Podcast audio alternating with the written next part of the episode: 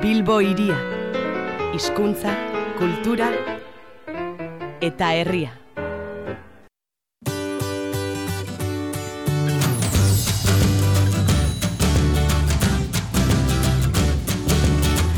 Aurrera jarraitzen dugu eguenarekin eta ostegunetan ohikoa den bezala argia astekariaren errepasua egiten dugu eta horretarako bide lagun Lander Arbelaitz izaten dugu dagoeneko pres daukagu gaur ere. Eguerdion Lander Kaixo eguerdion. Bueno, esan bezala eskutartean argia dugularik, errepasua egingo dugu, eta, bueno, ba, e, portada edo azalari erreparatuta, datorren osteguneko e, urtarrianen hogeta marreko greba orokorreari begira jarri zarete, eta aurkoa paulazak egin du, e, bueno, ba, horren erreportai nagusia.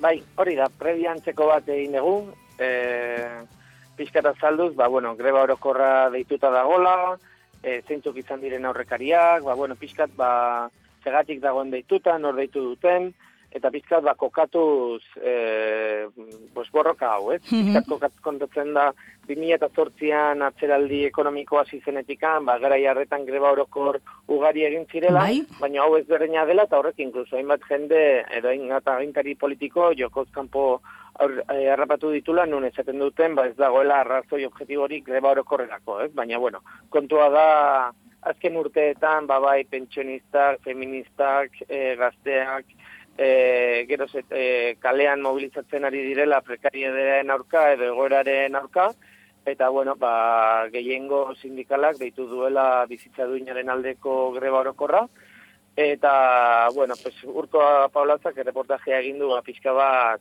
sakondu zen diren eskaerak, zer gertatu den herrietan, greba batzordeak nola sortu diren, batzu mm zer dioten aurrera begira, eta behian batez ere, pues, kronologia bat, azken amar urtetako greba oroko horretan, haber ikuste ditut, bat, bi, iru, lau, bo, zei, zazpi, zortzi, bederatzi greba oroko egin dira, batez ere azken biak oso potenteak, e, martxoaren zortzikoak, mm -hmm. ez? E, bai bueno, feministak deitutakoa. Memoria egiteko ez dago txarto kronologia hori ez, batzuk ere astuta genituen eta ez, e, duela mar urte, duela urte gutxi delako, ez, e, krisi aldia zizenean hor bai izan zirelako, eta, bueno, ba, bai, e, kokatzeko ere interesgarria oso erreportaia, ez, e, bueno, ba, bai. urtarrianen hogeta marreko greba horren inguruan, ez, araba bizkaia eta gipuzkoa eta nafarroan deitutako greba hori, ez, e, eskubide sozialen kartak deituriko e, greba hori kokatzeko eta bueno, hainbat testigantza jasotzen ditu, ask, ditu azken e, ba aipatu duzun bezala azken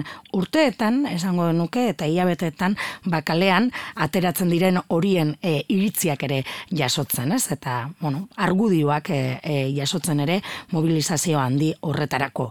Bueno, ba hortze grebaren inguruko azala eta erreportai e, nagusia argia asteka astekarian aste honetan, baina ez da gai bakarra Eta nazioartera begira ere, jartzen zarete, oikoa den bezala, beti egoten da artikulo bat, ez? E, nazioarteko gai baten inguruan, eta oraingoan Australiara begira jarri da peio zubiria. E, bai, zuen, horriak nabil, hemen ateatu horrela. Bai, bai eskutartean e, dena buruz. bai. Azkenen, genofa beroko irigoin da. Ai, barkatu, bai, begira normalean egia zen urteak darmatzapeiok neturbil edo azirako nazioarteko erreportaje hau egiten, baina bueno, egia zen bai, bera ere aurrera doa ginean, eta hasi gara bat releboa prestatzen. Aipatu behar dut, irakurri... Du irakurri dut eta ez dut irakurri nor sinatu duen. Bai, berria da, orain gutxiazi da jenofa txandaka, baina bueno, orain egiten dute biaztean behin jenofa, eta biaztean behin mm -hmm. peiok.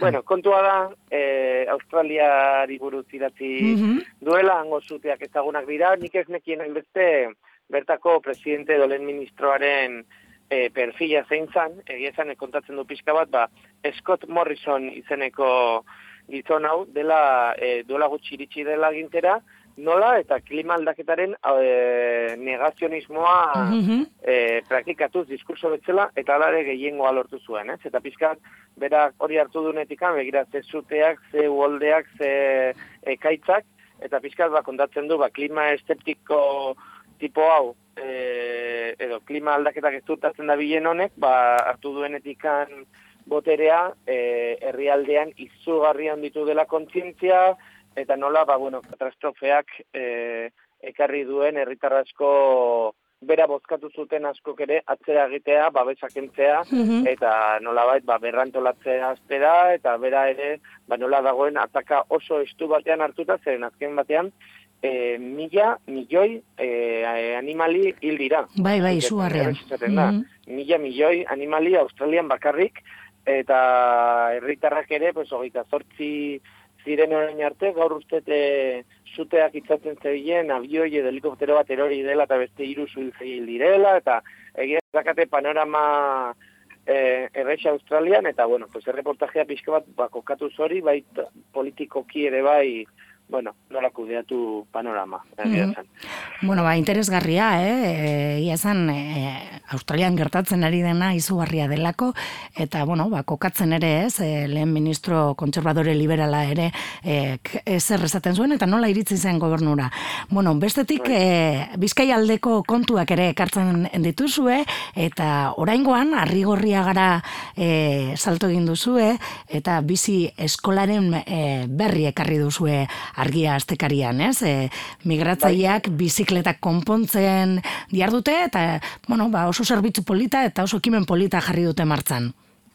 Bai, egia esan Mikel Garziak idatzi du reportajea, eta nik ez nuen ezagutzen proiektua, oso polita iruditu Mhm. zait, egia esan, barri gorriaga, ba nola bait, e, migrante hauek e, lanik ezean ezin dute paperik lortu, eta paperik ezean ezin dute lanik aurkitu, alegia zirkulo bizioso batean harrapatuta dagoen jende askorentzat, e, nola ba, autogestioa edo autoenplegoa bihurtu den soluzio polit bat, ez? Mhm. Eta pixkat, ba, reportaje honetan kontatzen dute zein den proiektua, dela, ba, eskualde horretan badagoela e, txirindularitzarako afizio handia, baina ez zegoela ez da denda bat bera ere, ba, bizikleta konpontzeko, e, bizikletan ibiltzen ikasteko, bizikletako txangoak antolatzeko, eta nola, ba, men kide hauek e, antolatu duten proiektua, batez ere, baina beraiek kontatzen dute, herriko eragileen laguntzari Mhm. esker, ez? Eta, bueno, pues beraiek kontatzen dute, e, atera zirela bera herrialdetikan,